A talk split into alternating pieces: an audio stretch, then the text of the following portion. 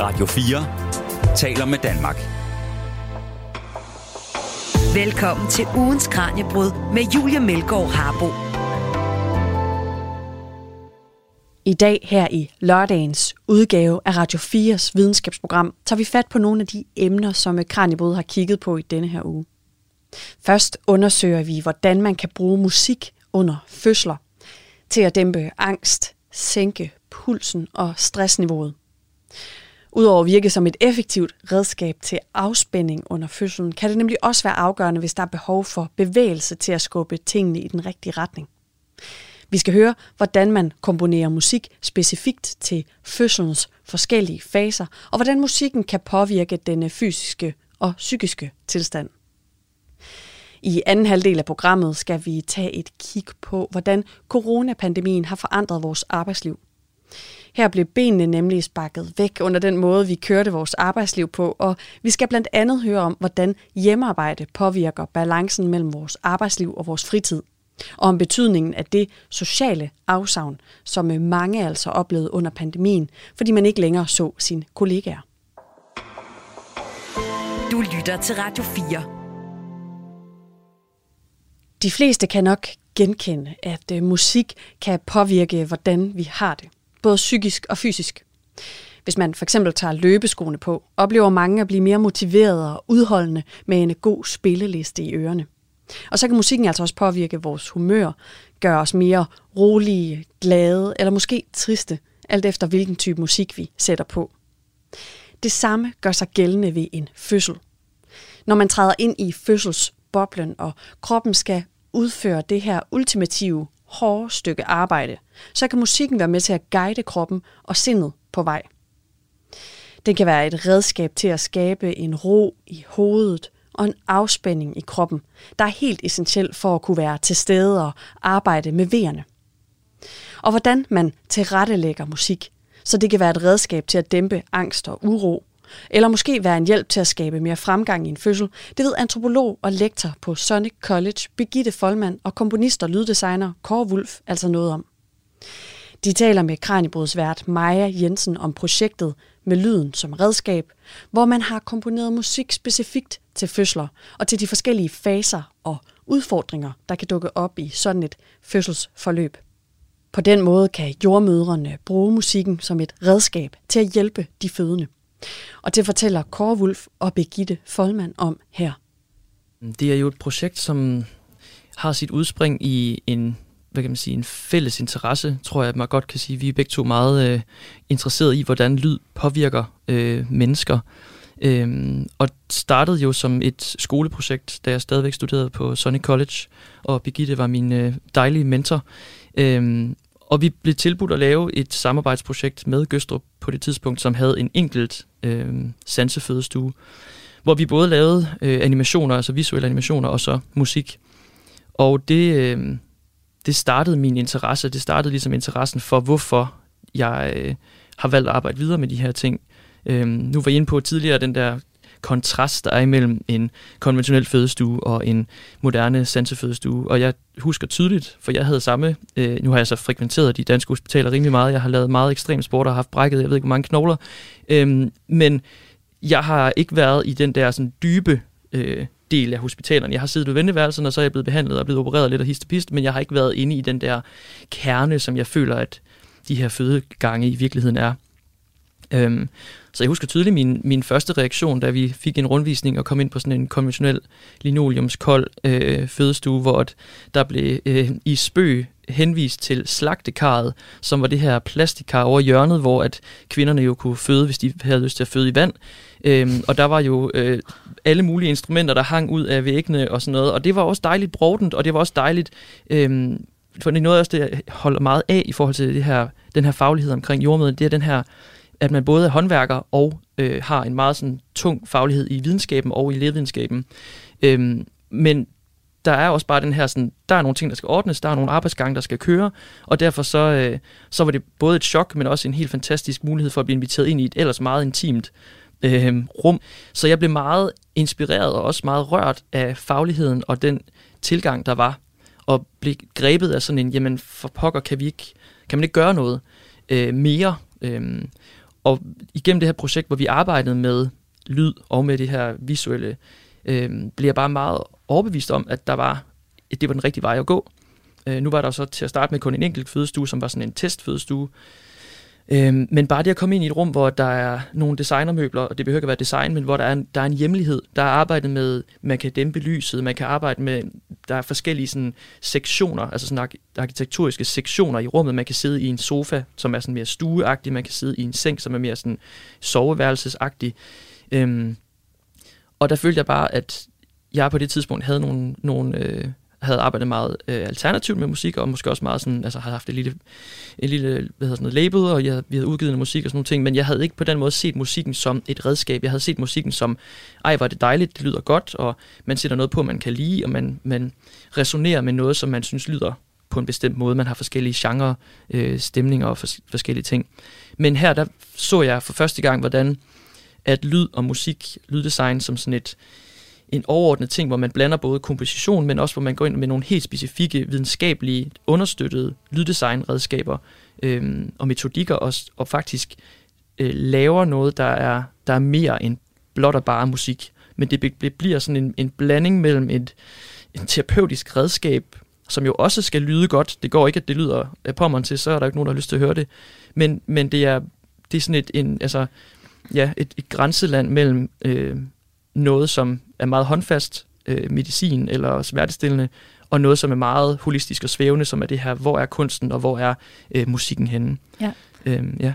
Altså, nu sagde du, at øh, da du begyndte på, på det første projekt, mm. der var der den her ene sansefødestue, og du fik ideen om, at måske kan man gå lidt mere øh, videnskabeligt til værks. Måske ja. kan man rent faktisk øh, drage nytte af den viden, der allerede er på, øh, på det her område, men hvor meget viden var der på det område, når det handler om musikken og lyden? Mm, altså på det tidspunkt tilbage i 2019, hvor jeg sad og skrev min bachelor og, og dykkede meget dybt ned i det eksisterende forskning, der var øh, på verdensplan, der var der ikke ret meget, og der var heller ikke noget samlet forskning. Altså jeg, noget af det, vi har gjort med det her projekt, er jo faktisk at samle meget af det sådan sporadiske forskning, som har været på alle mulige forskellige punkter, både i forhold til ambient musik og musik som smertelindren, altså smertestillende er måske så meget sagt, men i hvert fald må man arbejde med musikken øh, og musikdesign som en faktor for at dæmpe, eller i hvert fald aflede opmærksomheden fra, fra smerte. Der er alle mulige forskellige øh, forskningsdelstykker øh, fra, hvordan man har arbejdet med yoga og med meditationsmusik, og så det er sådan en, et øh, kludetæppe, en potpourri af alt mulig forskning, som jeg dykket øh, umådeligt langt ned i, i en lang periode, øh, op til, at vi så ligesom gik i gang med den første testperiode igennem den her bachelor. Øh, og jeg var, det var meget vigtigt for mig, at der var noget, noget videnskab. Det første projekt, vi havde lavet, hvor vi bare var inviteret ind som sådan en del af et, et skoleforløb, der var det meget mavefornemmelsen. Det var meget sådan, jeg sad med mine, øh, med mine studievenner og var sådan, okay, hvad, øhm, en fødsel er meget, det er meget levende, der er, der er noget liv, og der er noget død, og hvad er også det, det kunne, hvad er sådan moder jord, og der er noget hav, og der er noget, så vi kom ligesom frem til sådan noget med, med luft og vand, og sådan nogle meget sådan, til, altså nogle naturlige tilgange. Øh, det viste sig også, at noget af det var der også bund i, og sådan øh, rent forskningsmæssigt, men, men det der med også at føle, at man læner sig op af noget, som, hvor man ikke bare siger, jeg, jeg føler, at det her lyder godt, og bevæger os igen her over i det her mere sådan, hvad kan vi faktisk måle på, eller hvad kan vi faktisk sige har en effekt. Øhm, så det var rigtig fedt for mig også at bruge den mængde tid øhm, på at, at afsøge, jamen, hvad der ellers lavet rundt omkring i verden. Ja, og øh, lige om lidt, så skal vi også høre lidt mere af musikken. Vi hørte jo også noget i starten af, af programmet. Men inden da kunne jeg godt tænke mig at, at høre lidt mere om Kåre. Hvad er det så for nogle måder, lyd og musik kan påvirke os på? Altså både psykisk og fysisk? Fordi du taler også om, om smertelindring. Hvilken rolle kan musikken spille for det? Øhm, altså nu, og det, der, det at tale om smertelindring er, en, er måske en, en, ikke en søgt, men det er, det er et grænseland, fordi igen, det at måle på sådan nogle ting er svært, og der er ikke lavet ret meget. Vi har jo heller ikke haft mulighed for at lave et specifikt øh, randomiseret forløb, hvor vi har kunnet måle på x antal fødsler, og haft, så skulle jordmøderen tjekke ind og se, hvor mange, hvor mange smertepoint ud af en skala for 10, og den fødende skulle også i, midt i øh, uendelig meget smerte. Skulle ligesom, så der har været nogle ting i, i forhold til det. Men det vi arbejder med er rigtig meget det her med stemningssættelse, det her med at ændre eller forbedre øh, en stemning, omslutte atmosfæren, omslutte kvinden i det her rum, hvor vi, eller partneren også, øh, hvor man jo godt kan komme til at blive både øh, øh, berørt af andres lyde.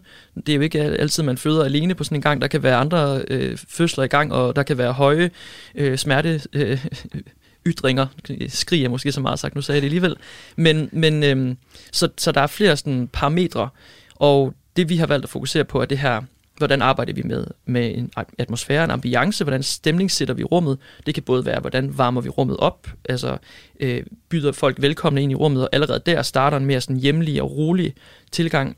Vi har arbejdet rigtig meget med, hvordan går vi fra high arousal, altså fra sådan en, en stresset og, og sådan et intensiv stemning til et lavere stemningsniveau, hvor vi faktisk godt, der er nogle helt basale videnskabelige tilgang, hvor man kan manipulere med, øh, med pulsen, hvor man går ind og har en, over en periode på en 5-8 minutter, der kan man ved at sænke, øh, eller have sådan en dalende rytmik, kan man faktisk få hjertet og pulsen til sådan at afstemme sig den her dalende øhm, puls.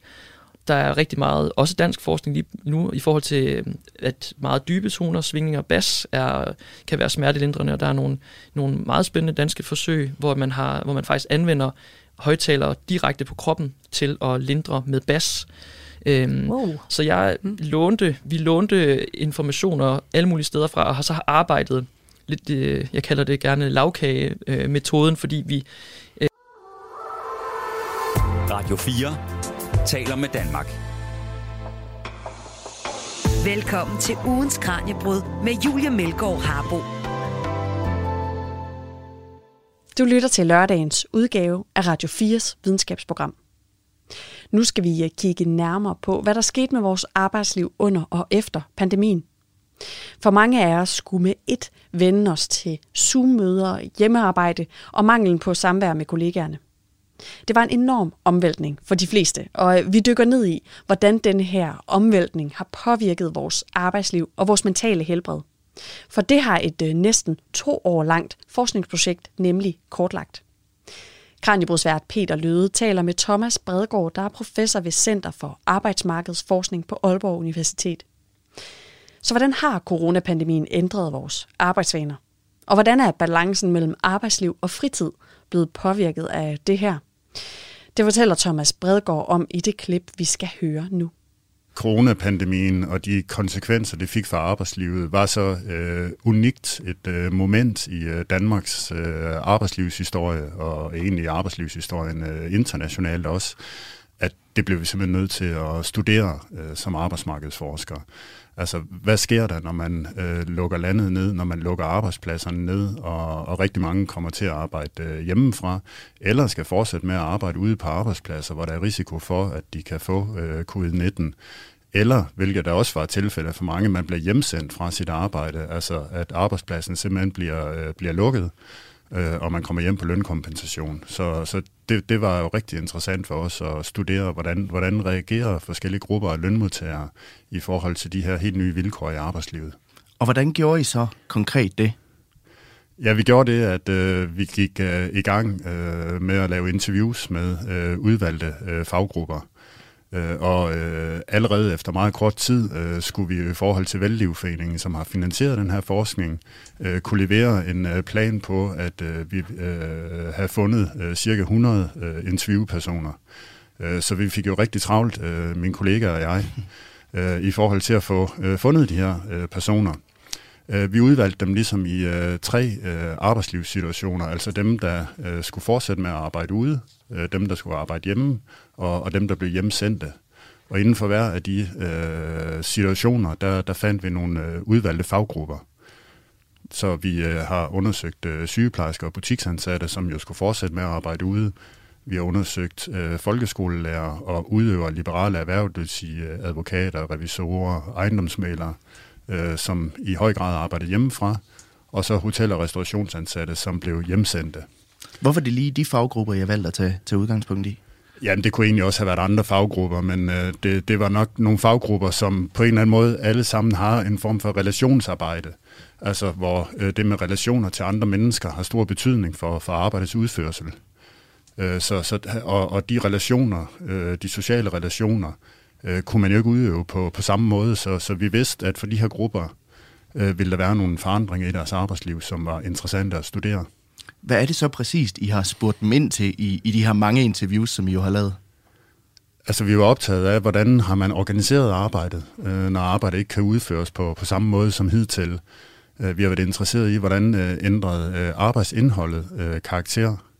Og så har vi været interesseret i, hvordan skiftede de sociale relationer på, på arbejdspladsen øh, karakter. Altså i forhold til relationer til kollegaer, i forhold til ledere, og i forhold til øh, personer uden for organisationen. Om det så er kunder, eller det er patienter, eller det er elever. Og så har vi været optaget af, hvordan påvirker det trivselen øh, for de her grupper. Kan I så se, at der er nogle af de her grupper, der har været mere påvirket end, end andre? Ja, det er det helt sikkert. Altså, øh, det, er jo, det er jo svært at sige præcist, øh, og det, det er også selvfølgelig meget individuelt. Men altså hotel- og restaurationsansatte, øh, man kan sige, øh, en del af de personer, vi interviewede i den her gruppe, nogle af dem har faktisk været hjemsendt fra arbejde helt op til tre gange. Altså, og når man bliver hjemsendt, så ved man jo faktisk ikke engang, om man kommer tilbage til sin arbejdsplads, om den sådan set overlever øh, den her nedlukning. Så, så de har haft nogle kolossale omvæltninger i deres øh, arbejdsliv. Hvordan beskriver de det i, i, i nogle af de her interviews? Så? Jamen, for nogen øh, var det øh, hårdt og frustrerende og, og utrygt. Øh, for andre var det faktisk en, øh, en pause i deres arbejdsliv, øh, hvor man fik tid til at reflektere over, øh, Øh, var man på den rette hylde, skulle man måske prøve noget andet i, øh, i tilværelsen. Og for nogen var det faktisk også øh, meget behageligt med sådan en, øh, i hvert fald den første nedlukning, som nogen betragtede som sådan lidt en forlænget ferie, hvor man kunne restituere. Ja, der var nogen, der brugte udtrykket coronaferie omkring det på en eller anden måde. Nu, nu fik man lige en, en break, faktisk en dag med løn. Ja, det, det var der måske nogen, der oplevede under den første nedlukning, men jeg vil så sige, under den anden og, og den tredje, øh, så, så tror jeg ikke rigtigt, man, man oplevede det som en, øh, en hyggelig ferie længere. Og det var så dem, der var, der var hjemsendt. Men altså, hvad med nogle af dem, der rent faktisk stadigvæk skulle på arbejde, både med ind, men også kunne arbejde hjemmefra? Altså, kunne de stadigvæk opretholde en eller anden form for normal, eller, eller hvad fortalte de om deres oplevelse under, under coronanedlukningen? Ja, altså hvis vi tager øh, sygeplejerskerne, så, så, så er de jo stået ude i, øh, i den spidse ende, kan man sige, under øh, coronapandemien. Øh, mange af dem blev jo øh, overflyttet til øh, et covid-19-beredskab. Øh, Og øh, til at starte med øh, var der jo ikke øh, nogle ret øh, præcise øh, retningslinjer i forhold til, øh, hvordan man skulle øh, gebærde sig i de her øh, beredskaber. Det, var jo en, det er jo en helt ny sygdom, der var øh, kommet til landet og øh, retningslinjerne, de, øh, de kom så at sige øh, væltende ned øh, og, og skulle implementeres øh, meget, meget hurtigt og, og meget, meget detaljeret. Øh, så, så det tror jeg, mange sygeplejersker oplevede som øh, kaotisk og, og også øh, frustrerende. Men på den anden side, så, så er det jo sådan set også det, deres arbejde øh, går ud på. Øh, så mange af dem oplevede faktisk også, at de fik øh, anerkendelse, øh, og, og det skabte en, øh, en trivsel det at man virkelig kunne, øh, kunne gå ud og, og, og gøre en forskel som sygeplejerske. Og det, ja, det så man jo i hvert fald også i det offentlige, at der var faktisk mange, der også fremhed sygeplejersker som, som helte, hverdagens helte på en eller anden måde, der gik ind og rent faktisk gjorde en enorm forskel under det her. Hvad så med dem, der var, der var hjemsendt? Altså, udover at de skulle arbejde hjemme, hvad var så den største forandring for dem i, i deres arbejdsliv? Jamen det var jo sådan set det, at hjemmet lige pludselig blev arbejdspladsen. Altså der, der er ikke ret mange hjem, øh, der før corona var, var indrettet til at, at være en arbejdsplads, og, og der er også mange øh, hjemmearbejdspladser, hvor der er et, øh, et dårligt øh, fysisk arbejdsmiljø, øh, hvor man har siddet øh, i månedsvis og, og passet sit arbejde øh, fra en, øh, et soveværelse eller fra, en, øh, fra et spisebord. Så øh, der, der er nogle øh, fysiske øh, problemer, men øh, der var så også mange, der oplevede, at øh, det faktisk øh, gav en enorm stor øh, fleksibilitet, og blev overrasket over, hvor mange arbejdsopgaver, der faktisk kan klares fra en øh, hjemmearbejdsplads. Og øh, du har jo taget tre sådan, af de vigtigste konklusioner eller lektioner med fra, fra studiet i dag, som vi skal dykke ned i senere i, i programmet. Kan du ikke prøve at starte med at forklare, hvad det er for nogle tre hovedpointer, som, som vi skal ind på i dag? Jo, man kan sige, at øh, coronapandemien, øh, når vi sådan kigger tilbage på den øh, nu, øh, så førte den jo ikke til en, øh, en revolution eller en grundlæggende forandring i vores arbejdsliv. Vi er jo øh, overraskende hurtigt øh, kommet tilbage til normalen igen. Øh, men det er alligevel som om, at der er noget, der er forandret. Og, og det noget, der er, der er forandret, det, det har vi især undersøgt i den, øh, den sidste øh, rapport i øh, projektet.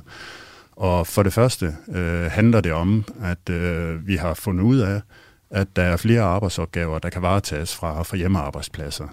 Men det at arbejde hjemmefra øh, både har nogle fordele og ulemper, øh, som vi kan tale om øh, senere. Og så er der øh, for mange, at øh, øh har coronapandemien forstærket en tendens til, øh, at man ligesom har tænkt, øh, der er andet i, øh, i livet end arbejde. Altså det, det har det, øh, skabt nogle refleksioner omkring arbejdslivsbalancen og hvor meget arbejde skal fylde i øh, tilværelsen.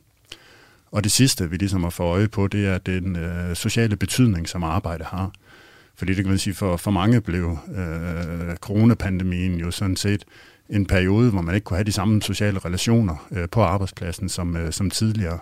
Så på den måde, der øh, har det også øh, skabt et, øh, et stort socialt øh, afsavn, øh, som jeg tænker, øh, man på mange arbejdspladser har forsøgt at indhente her øh, efterfølgende.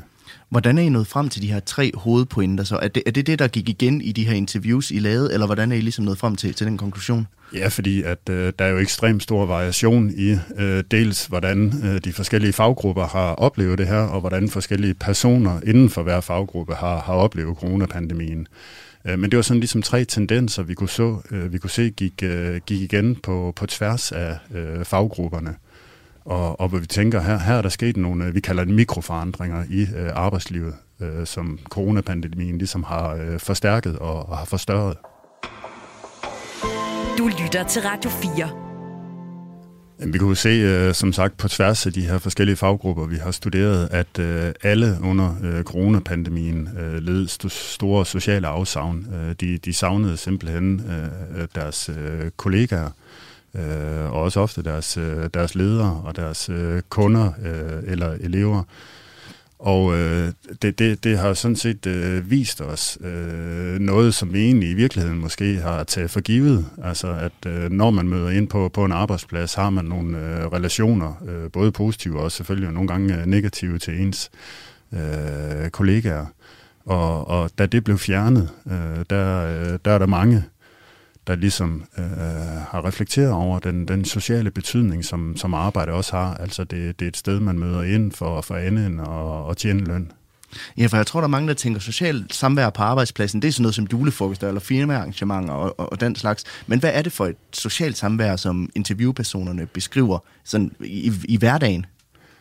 Det er selvfølgelig en del af det, øh, de øh, sociale arrangementer på en, øh, på en arbejdsplads, men, men det er sådan set også de almindelige sociale relationer, man har, når man udfører arbejdet. Om det så er i forhold til ens kollegaer, det ligesom at vi to nu kan stå og se hinanden i øjnene, i stedet for at vi skal tale over en Zoom-forbindelse. Det, det, det skal, altså, og der, der er mange af de personer, vi talte med, der sagde, at det, det kan godt være, at man kan øh, erstatte øh, nogle arbejdsopgaver øh, og, og gøre dem øh, digitale, øh, men, men de, øh, de, de fungerer ikke på samme måde, øh, som de har gjort øh, tidligere, og de, de længtes efter øh, de sociale relationer. Og nu talte vi om det her før, at I jo delte dem op lidt i tre arbejdssituationer, hvis man kan sige det på den måde. Nogen, der var helt hjemsendt, nogen, der arbejdede hjemmefra, og nogen, der, der, der stadigvæk skulle møde op, for eksempel sygeplejersker og folk, der arbejder i supermarkedet og sådan noget. Altså, kan I se nogen forskel i det her sociale afsavn øh, fra, fra gruppe til gruppe? Jeg tænker, en sygeplejerske, der møder ind, må vel stadigvæk møde sine kollegaer, på trods af, at det måske er gennem en, en maske. Det er rigtigt, men øh, det, det man jo tydeligt kunne se selv på øh, de arbejdspladser, hvor øh, medarbejderne stadig mødte ind, det var jo, at de store sociale fællesskaber blev afløst af meget mindre øh, sociale fællesskaber, øh, fordi at øh, covid-19 var blevet en uvelkommen øh, gæst på, på arbejdspladsen. Og man kan også se i forhold til det her med øh, relationsarbejde, det var rigtig svært for dem at udføre øh, når man ikke kunne have den, have den tætte fysiske kontakt øh, med en øh, patient eller en øh, elev øh, for den sags skyld. Men hvorfor er det her med det sociale så vigtigt for os, når det kommer til det her med arbejdsglæde og, og trivsel? Jamen faktisk, fordi vi går på arbejde øh, af andre grunde end det at, at tjene løn. Altså, og det, det viser de fleste undersøgelser på, øh, på området faktisk også at øh, løn er ikke den øh, mest betydningsfulde grund til, at vi går på arbejde. Øh, faktisk er det netop øh, det her med de sociale relationer, der har utrolig stor øh, betydning. Og det, at man er en del af et, øh, et arbejdsfællesskab. Du lytter til ugens Kranjebrud på Radio 4. Med hjemmekontoret kom en ny problematik, nemlig hvornår man holder fri og hvornår man er på arbejde. Det var specielt en udfordring for dem med små børn, der var hjemsendt fra lukkede institutioner eller skoler. Så hvordan kunne man se, at denne her work-life balance forskubbede sig under nedlukningen? Det fortæller professor ved Center for Arbejdsmarkedsforskning på Aalborg Universitet, Thomas Bredgaard, om her. Ja, det så vi jo især for øh, de personer, der øh, var hjemmearbejdende eller blev, øh, blev hjemmesendte. Øh, for, for de hjemmearbejdende, øh, der kan man sige, der blev der jo en, øh, ofte en flydende grænse imellem arbejde og fritid. Altså ved det, at arbejde flyttede ind i, øh, i hjemmet. Og øh, der, der, er, der er det jo sådan, at øh, hvis du møder fysisk ind på en arbejdsplads, så får du jo også en eller anden fysisk adskillelse imellem dit, øh, dit hjem øh, og dit øh, arbejdsliv. Og den, den grænse, den øh, forsvandt. Øh, for nogen øh, var det øh, sådan set, øh, blev det oplevet som, øh, som positivt, fordi det gav noget større fleksibilitet til, hvornår øh, man ville passe sit arbejde, og man kunne passe det ind i forhold til ens øvrige liv. For andre øh, skabte et øh, grænseløst arbejde, øh, hvor det var øh, rigtig svært at finde ud af, hvornår jeg er på arbejde, hvornår holder jeg fri, og hvor der var en tendens til, at man ligesom arbejdede 24-7. Ja, for mit næste spørgsmål var nemlig, altså hvad betyder det helt konkret? Betyder det, at vi i sidste ende måske kommer til at arbejde mere, fordi vi rent faktisk har svært ved at, at begrænse, nu er jeg på arbejde, nu, nu har jeg fri? Det tror jeg faktisk, det, det har vi ikke undersøgt øh, præcist, men altså der er tidligere undersøgelser fra før corona, der viser, at øh, personer, der har meget hjemmearbejde, faktisk også arbejder flere timer. Øh, og der faktisk også er øh, både en højere øh, arbejdsintensitet øh, og, og en større risiko for, for stress, øh, hvis man har øh, meget udbredt øh, hjemmearbejde. Og øh, nu har jeg jo kigget på fem forskellige faggrupper. Man kan sige, sygeplejerskerne og, og, og supermarkedspersonale, de er jo på arbejde. Men den her gruppe, der, der arbejder hjemme, altså kan I se nogen variation for, mellem faggrupperne, for om det her problem er, er større for nogen end, end andre? Nu som sagt, de to faggrupper, vi har undersøgt, øh, var skolelærer, så de her udøvere af øh, liberale erhverv. Øh, for øh, skolelærer øh, Øh, var det at skulle sidde og lave online-undervisning øh, jo en helt ny øh, opgave for dem, øh, og øh, jeg tror også en, øh, en meget udfordrende øh, opgave øh, for de fleste. Igen er der skolelærer, der har både positive og, og, og, og mindre positive øh, erfaringer øh, med online-undervisning. For, for udøverne af øh, liberale øh, erhverv øh, var det at arbejde hjemmefra ikke noget helt nyt, øh, da de kom til at arbejde mere hjemmefra under øh, corona. Men det var jo i, i en vis udstrækning et, øh, et mere frivilligt øh, valg. Øh, de, de havde også mulighed for at møde ind på, på arbejdspladserne. Øh, så for dem øh, havde det ikke sådan den helt store påvirkning af deres øh, arbejdslivsbalance. Men de er måske i virkeligheden dem, der var øh, mest tilfreds øh, med, øh, med hjemmearbejde. Fordi de var meget optaget af at, at arbejde effektivt og produktivt. Og det havde de en oplevelse af, at man kunne gøre, når man arbejder hjemmefra. Ja, for hvordan beskrev de her interviewpersoner den her omvæltning, som det har været for rigtig mange år, og lige pludselig skulle arbejde hjemmefra? Jamen, nogen beskrev det øh, som, øh, som kaotisk og, og frustrerende. Øh, andre øh, som en, øh, en befrielse faktisk, at man øh, kunne være hjemme og, og tilrettelægge arbejdet. Vi blev faktisk lidt overrasket over, at der var mange skolelærer, der faktisk øh, beskrev det som, øh, som lidt en befrielse at, at, at komme hjem og lave online-undervisning. Fordi med hele den diskussion, der var omkring øh, lærernes øh, arbejdstid og, og reguleringen af det, øh, så oplevede de, at de øh, fik nogle, øh, nogle nye øh, frihedsgrader på, på deres hjemmearbejdspladser. Og de i samarbejde med deres øh, kollegaer i nogle øh, mindre teams øh, selv øh, havde større indflydelse på, hvordan de skulle øh, tilrettelægge arbejdet. Og nu talte vi også om før, at man på nogle områder i hvert fald stort set miste kontakten til sine kollegaer, i hvert fald den fysiske kontakt. Altså, øh, og man som lærer heller ikke så sine elever øh, hver dag. Altså, tror du, det har fået nogen til også at genoverveje, hvad kan man sige, om man overhovedet gider det arbejde, man har? Ja, det, det, det har det helt sikkert. Øh, og øh, det kan man sige, dem, dem der